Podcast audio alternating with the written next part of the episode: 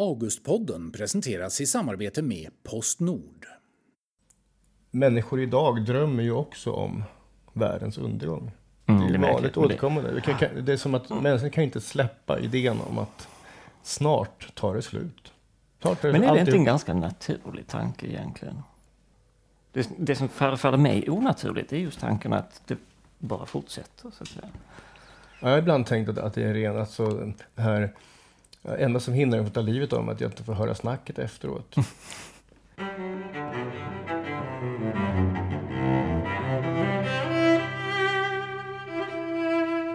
Jo, det var så här det gick till.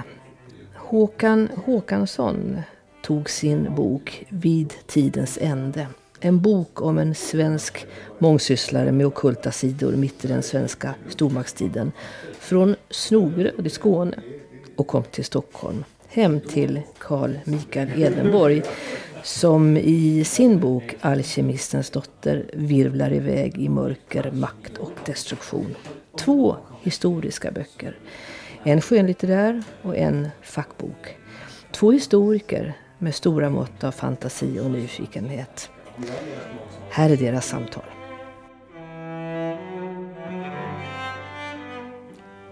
Carl Mikael, det här är en bok om en förfluten, främmande värld, men också en bok om oss.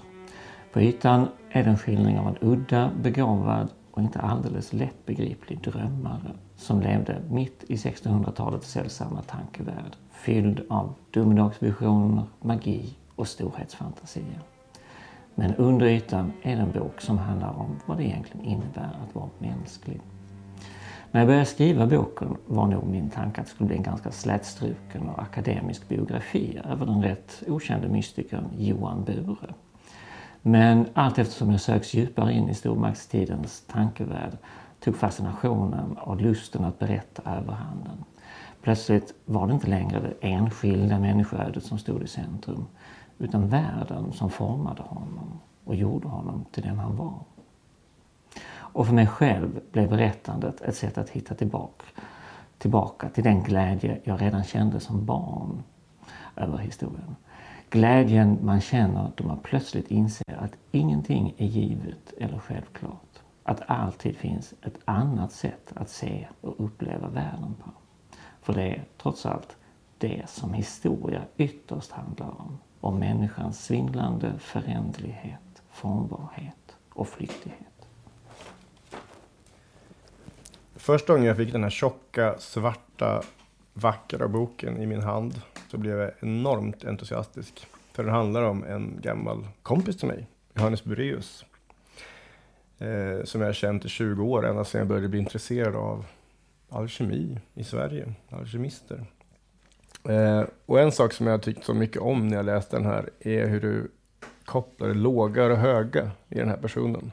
Det är inte alltid man får det i biografier. Biografier är ofta hjältebiografier. Man lyfter bara fram det fina, det originella. Men här får vi se honom ligga sur och sjuk i sin säng också. Men Det var ju en stor del av anled- egentligen därför jag blev så intresserad av honom. Just för att han, där är de här dagböckerna som han efterlämnat. Där han verkligen, det är människan som eh, kommer fram. Och det är inte så vanligt med den typen av material från den här perioden. Nej. Och så blir det lite speciellt eftersom han då såg sig själv som en profet. Precis, det är verkligen en pendling mellan högt och lågt. Ja, han är Guds utvalda som mässar om den yttersta tiden. Då Sverige i princip ska ta över hela världen. Och det är Gustav II Adolf som man ser som. Han måste blivit väldigt deprimerad efter Lützen. Jag tror att han blev det, ja. Men sen var det Kristina. ja som han inte kom överens med speciellt. Nej. Som andra alkemister däremot var väldigt förtjusta i. Mm, sant. Men, eh, och så pendlar den mellan vad vi i våran tid ser som seriös framåtskridande. Riksantikvarie, som kartade runstenar och, och um, etnolog kan man säga att han var. Och sen var han den här astrologen, alkemisten, guldkokaren och allt det här. Men vad jag tänker är att det här är barocken. Han är barocken. Ja. Och det är li- lite precis så jag såg honom efter ett tag. Alltså han förkroppsligar på något vis både bar- barocken men också den svenska stormaktstiden. I just den här, vad ska man säga, storhetsvansinnet. Jo, jo, jo. Ett litet lilliputtland som får för sig att ta över Mm. stora delar av Europa. Och gör det. bitvis. Gör det, men Gör det. blir bankrutt och ett utarmat u-land på kuppen naturligtvis. Och eh, kontrasterna, det är ju hela kulturen, barockkulturen. Högt och Mm, lågt. precis. Förvridna kroppar, Mm. Mm. religiositet. Eh, barocklitteraturen, komik blandas med tragedier. Allt där som, som jag, jag kan se, jag, jag brukar prata om en slags nybarock i vår tid. På vilket sätt menar du? Ja, alltså på ett sätt har ju ironin dött ut nu. Men sen ironin var i slutet på 1900-talet, så man skulle vara så distanserad Mm. och man skulle leka populärkultur. Nu är ironin ute igen. Och istället så fortsätter man att blanda högt och lågt, populärkultur och, och hög finkultur, men utan det här äh, distansen. Och Mm. så. Tittar man på konst, litteratur och så nu för tiden så, så det finns en barock känsla över det. Mm. Starka Eh. känslor. Mycket starka känslor och Mm. utan ironi. Mm. Och eh, högt och lågt just. Och lite groteskt och förvridet Mm. ofta. Mm. Smutsigt samtidigt som det är högsta renhet. Och sen så, när jag hade läst klart, alltså den, den är inte bara eh, fantastiskt välskriven. Som är en svensk idéhistorisk tradition av någon anledning. Enda akademiska ämne i Sverige där man av någon anledning förväntas skriva väl. Och tillgängligt för andra människor, vanliga Mm. människor. Jag tror inte det finns något Mm. annat ämne. Och du gör ju, förvaltar den traditionen fantastiskt. Den här har ju litterära kvaliteter. Den här boken.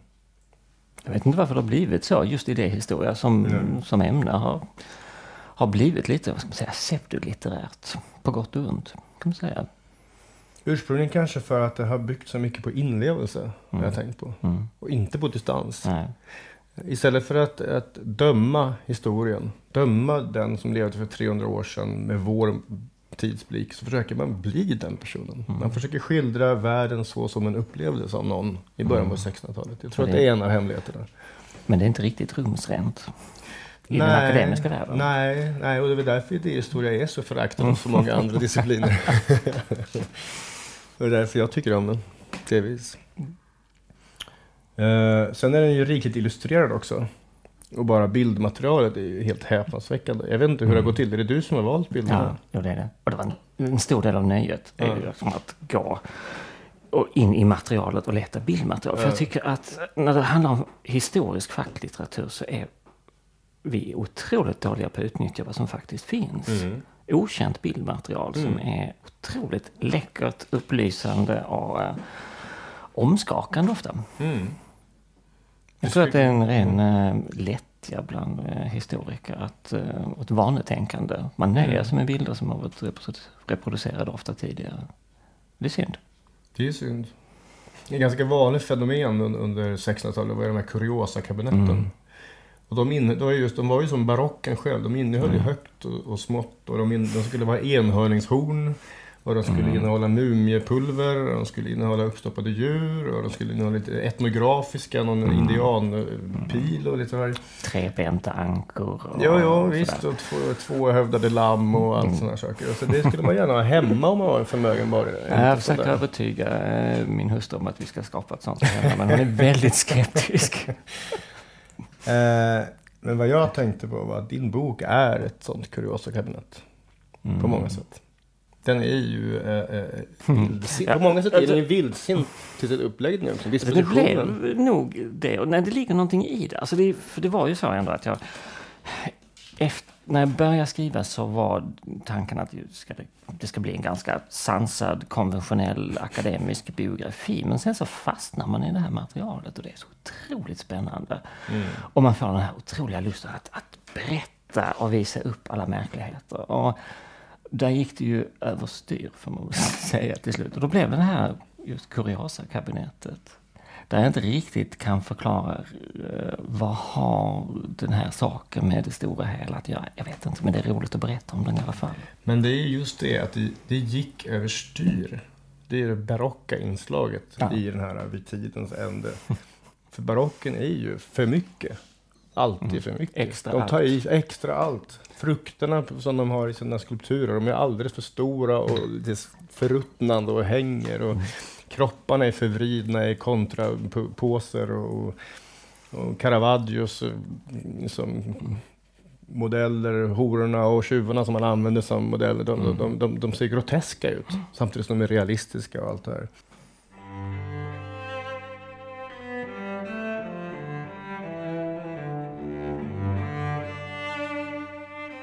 Men, men den här tjocka boken bygger ju på dels en oändlig mängd källor, text, Mm. handskrifter, tryckta böcker, allt från olika språk som du uppenbarligen behärskar. Och bilderna är av massa, kommer från massa olika håll. Ja, Var har, du hitt, var har du hittat allt det här? Alltså, nu har jag ju den stora förmånen att faktiskt jobba på ett universitetsbibliotek där man har fri tillgång till samlingarna. Och det har nog egentligen varit en förutsättning för att det skulle gå och jag på det här sättet. Men sen det som är grundbulten, alltså Bures egna skrifter, de är ju spridda på, på andra håll och det har vi ingenting i Lund där jag råkar jobba. Men, men gäller just bildmaterial och väldigt mycket av de andra texterna, det är ju saker som jag har haft tillgång till på ett annat sätt än historiker i gemen kan ha. Jag har själv suttit lite grann med Bures gamla handskrifter. Ofta är det ju Mhm. lösbladssystem. Ja. Du har ingen Ja, aning om de vilken är- ordning de är skrivna i till exempel. Nej, eh, och, och väldigt ofta så verkar han ha skrivit saker, alltså dagboksanteckningarna är uppenbarligen, helt plötsligt kan man upptäcka att de är skrivna långt i efterhand. 20 år efter att det hände så för han dagboksanteckningar som sen faller in på rätt plats så att säga, eller fel plats i ka- eh, kalendrarna. Eh, det är väldigt märkligt. Sen är de inte alltid så himla lättlästa heller. Nej, verkligen Allt inte. eftersom han blir äldre. Just det, handstil. Just Ja. det, precis. Ja. En av de märkligaste insatserna, upp, uppfinningarna som han gjorde, det var den här adelrunan. Mm. Mm. Han är intresserad av runor som det gamla svenska skriftspråket, eller vad man ska kalla det för. Men han, han, han kunde liksom inte nöja sig med att det råkade finnas ett gammalt svenskt skriftspråk. Utan han tyckte att det här måste också innehålla oerhörda hemligheter. Och adul, det ska ju vara som adel då, en aristokratisk runskrift som gömmer sig under den vanliga vulgära runskriften. Och, och, och, och, han gav ut böcker om det här också, men det är inte så alldeles lätt att fatta Nej vad han, vad, alltså, hur han kom fram till det där. Alltså jag tror ju, och det verkar ju vara så att han var otroligt inspirerad av den här eh, renässansens tanke om hieroglyfer som någon Mm. slags symboler som man genom att kontemplera så fylls man av någon slags gudomlig visdom. Mm. Så det fanns ju, all, alla de här tankarna som finns i hans skrifter, de fanns på olika ställen. Han bara liksom plockade ihop dem, syntetiserade dem och la dem i en svensk eller nordisk Mm. kontext. Mm. Och det är klart att det verkar lite, vad ska man säga, överdrivet patriotiskt med just runorna som... Ja, ja, ja, ja. Samtidigt så är det ju en... ehm, Det finns en, vad ska man säga, en dold logik i det han skriver. Som förvånar mig. Mhm. Jag ska erkänna att när jag började skriva med honom så tänkte jag att jag kommer nog fram till att han var en total dårfink. eh, och det var han nog inte. Alltså han hade hybris och han hade kanske på gränsen till storhetsvansinne. Eh, och han var inte speciellt sympatisk som person heller. Men han var långt ifrån galen, skulle jag säga. Just för att det finns en, en konsekvens i det han skriver. Och han var extremt kunnig och beläst. Det är nästan groteskt så mycket han lyckades tugga i sig. Ja, ja, ja. Eh, Och bara det är ju egentligen anmärkningsvärt eftersom man ofta beskriver början av 1600-talet i Sverige som en u-land kulturellt. Och det var det ju på många sätt. ja. Det, det finns ju liksom den här föreställningen om att vi hade inte ens böcker eh, och tillgång till de här eh, Mm. kontinentala eh, tankarna i Sverige. Men så var det ju inte riktigt. Han läste fruktansvärt mycket. Mm. Eh, eh, Det finns ju en likhet mellan min roman och din studie, Mm. nämligen undertiteln. Min romans undertitel är ju Slutet på universum. Mm.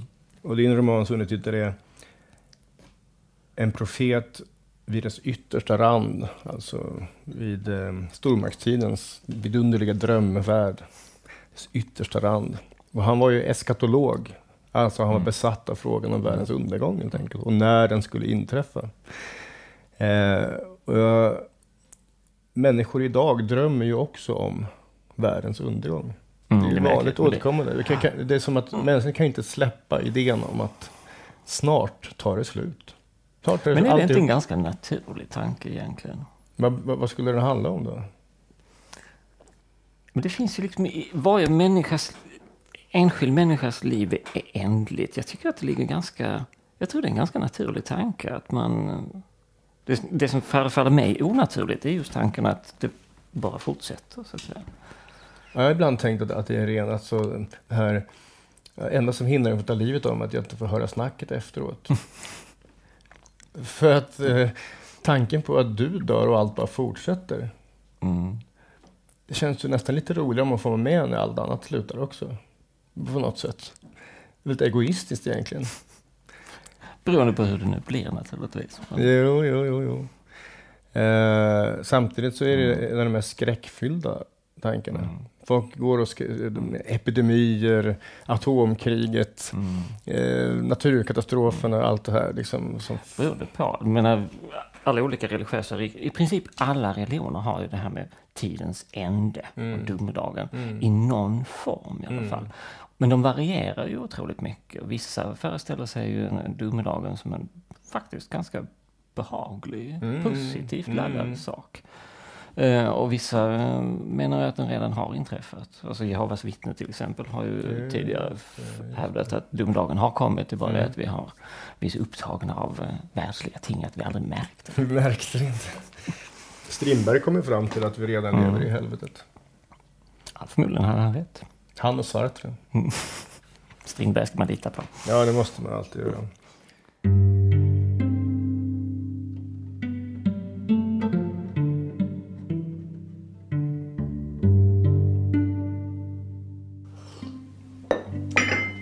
Punkten. Jag har ofta tänkt att poesi i grund och botten handlar om att förstöra. Diktarna angriper språket. De krånglar till, vänder ut och in och kastar omkull orden. Och jag tror att de här viljan att förstöra som finns i poesi, konst, litteratur, musik visar att människan inte känner sig hemma i universum. Eller till och med att hon inte känner sig älskad av kosmos. För om vi verkligen tyckte om verkligheten och den tyckte om oss skulle vi inte försöka ersätta den med sagor, fantasier, drömmar och helt andra världar. Alkemistens dotter handlar om den impulsen fast dragen till sin spets. I romanen är världen skapad av djävulen och inte av Gud. Kroppen, naturen, himlavalvet, allt är förruttnelse och ofullkomlighet. Rebis Drakenstjärna uppfostras av sin far till att helt bejaka den världsbilden. Han använder ömsom tortyr, ömsom ömhet för att hjärntvätta sin dotter och tro att bli den urgamla släktens utvalda. Hon ska med hjälp av alkemins mystiska operationer bygga en bomb som ska kunna förinta världsalltet. Din bok Alkemistens dotter. Jag var otroligt fascinerad av den. Eh, när jag började läsa den så tänkte jag att oh, wow, det här är en, en klassisk pikaresk roman. Eh, eh, plötsligt så upptäckte jag att den blev jävligt obehaglig. På ett helt annat sätt än vad jag hade förväntat mig.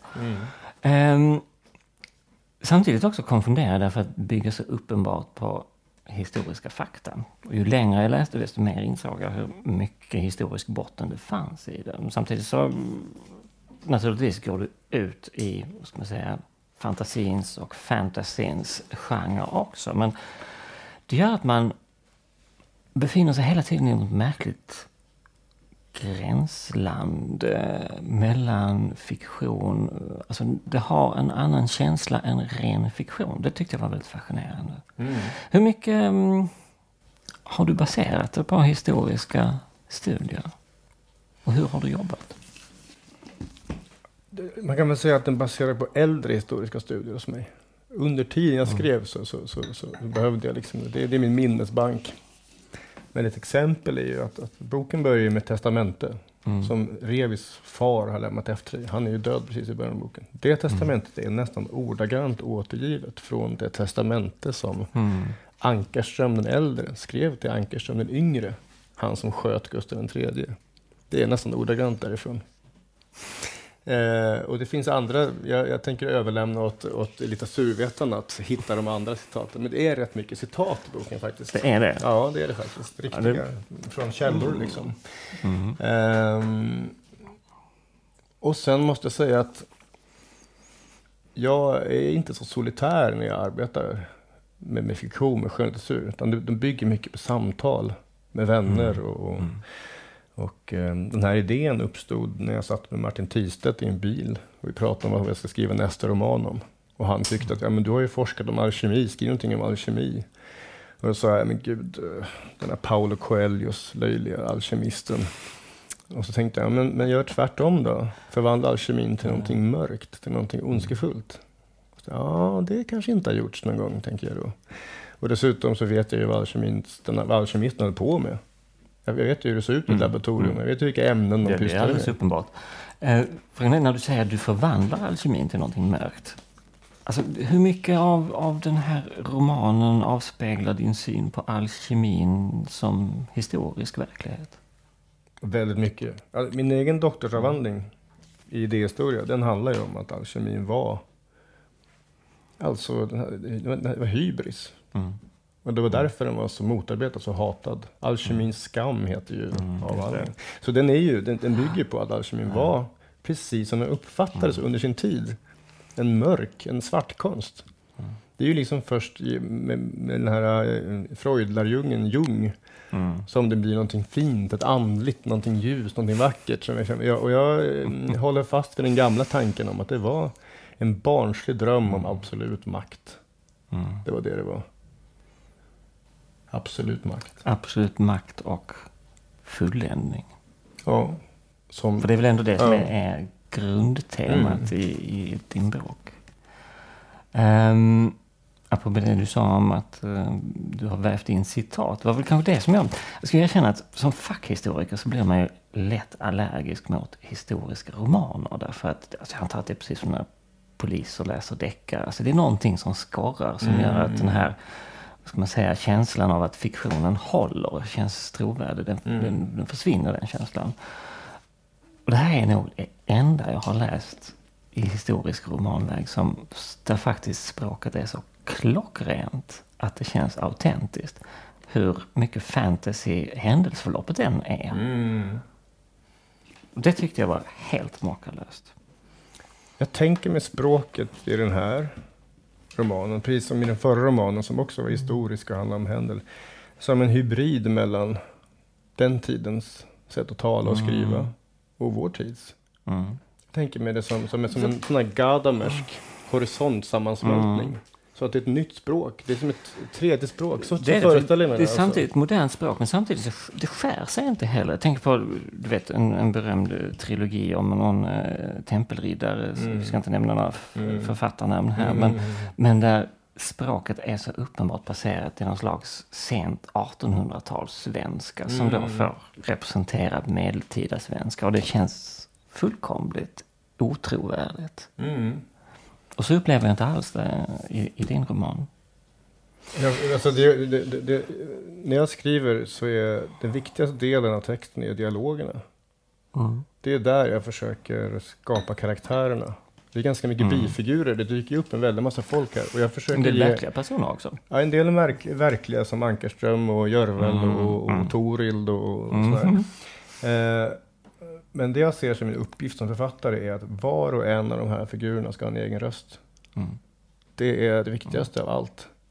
Och jag vill inte vara kritisk mot mina kollegor inom, inom, inom skönlitteraturen, men det där är en eftersatt, en ett eftersatt hantverk faktiskt. I de flesta Mm. böcker, romaner läser så pratar alla karaktärer exakt likadant. Mm. Det gör de inte här. Nej, gör de Och samtidigt, jag, jag måste säga också att jag uppskattar verkligen de här, det kanske är fel av mig, men jag uppfattar det som lustmord på berömda svenska litterära gestalter som Görvel och, och Toril som, alltså de är otroligt burleska samtidigt som de är mänskliga fortfarande. Mm.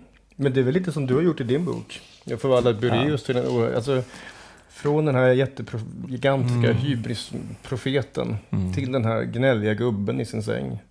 Alltså, det är ju det som är mänskligt. Mm stort och litet samtidigt. Ja.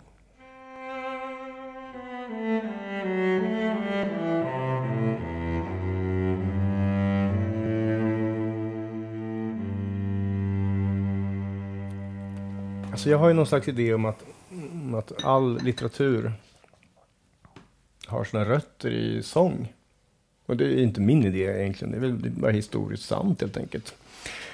Eh, Homeros eh, Mm. diktning sjöngs Mm. helt enkelt. Och jag sjunger ofta med det jag skriver. Det kan låta märkligt, men jag sitter vid skärmen och sjunger meningarna. Och jag hoppas att den, att den rytmen, det handlar inte så mycket om toner, men det handlar om Mm. rytm. Mm. Att det ska finnas, att det ska kännas hos läsaren utan att man tänker på Mm. det. Och det gör det. Ja, jag, jag För- hoppas det. Det där är ju otroligt svårt att sätta fingret på. Vad kännetecknar ett bra språk? Mm. Och för mig är det just rytmen. Mm. Sen kan den vara väldigt individuell. Eh, vad man uppfattar som, som rytmiskt. Men eh, det finns en sångbarhet i det. Och jag, det, det, det, de författare som mest inspirerar mig är ju lyriker, det är ju poeter. Mm. Ann Mm. Jäderlund är Mm. min favoritförfattare. Mm. Och det är sjungande, det är sjungande text. Mm. För då hör rösten. Jag tror inte att jag har någon direkt favoritförfattare om jag ska vara ärlig. Tyvärr så är jag i eh, alldeles för mycket fackhistorikern som nästan aldrig hinner läsa skönlitteratur. Och det stör enormt. Men, men idéhistorikerna är ju till hälften skönlitterära författare. Jag Vi- älskar ju vi- Johan Nordström. Ja, men vi är pseudoförfattare. vi, vi låtsas att vi kan skriva skönlitterärt utan att lyckas hela vägen. Mm. Men rytmen kan ju finnas där. Det är kanske därför Mm. det känns så väldigt skönt att läsa en, en gammal mm. lärarhistoriker som Mm. Johan Nordström, Mm. 20-30-talet. Mm. När han skriver om Stjärnhjelm. Och att han väljer en diktare också som Stjärnhjelm att skriva med ingen slump. Precis mitt emellan idéer och poesi rör sig. När du skriver, vad är det... Alltså det är grundfrågan. Mm. Vad är det som driver dig egentligen? Själv kan jag känna ibland att man undrar vad fan sitter man och ägnar så mycket tid och ork och ångest för att klämma fram någonting som ja, väldigt få människor läser. Ja, jag vill ju helst att väldigt många människor ska läsa det jag skriver. Men eh, en, en, på en nivå handlar det om bearbetning av trauman Mm. och smärta Mm. tror jag. Mm. Eh, du, eh, det är också plågsamt att skriva, men det beror på att det, det någonstans djupt ner handlar om är smärtsamt och plågsamt. Kanske i grund och botten här känslan att vara ensam i kosmos. Ett kosmos som inte tycker om dig. Hur mycket, alltså, hur mycket är det här eh, din genuina syn? Alltså på något sätt, menar, det som gör din bok hoppfull ändå, det är ju att jag i slutändan ändå kände att nej, du, du försvarar på något vis ofullkomligheten, mänskligheten Mm. eh, och ser någonting försonande i det. Samtidigt så är det så otroligt mycket svart syn på världen som genomsyrar hela boken. Så som alla människor så är jag motsägelsefull och, och båda sidorna Mm. finns. Jag kanske lite mer andra är redo att erkänna det mörka Mm. i mig själv. Men till slut så vinner ju kärleken Mm. varje gång. För evigt, förstås. Så, så ironiskt leende. ja, förlåt, jag försöker att inte vara ironisk.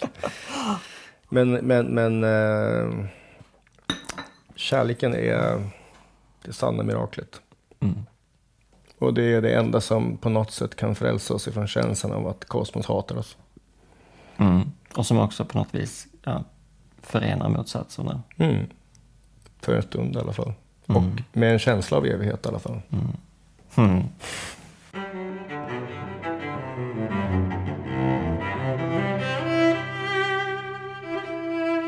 Augustpodden produceras av Fascinera för Svenska Förläggareföreningen. Producenter är Inga Ramsten och Lisa Mattsson. Augustpriset presenteras i samarbete med Postnord.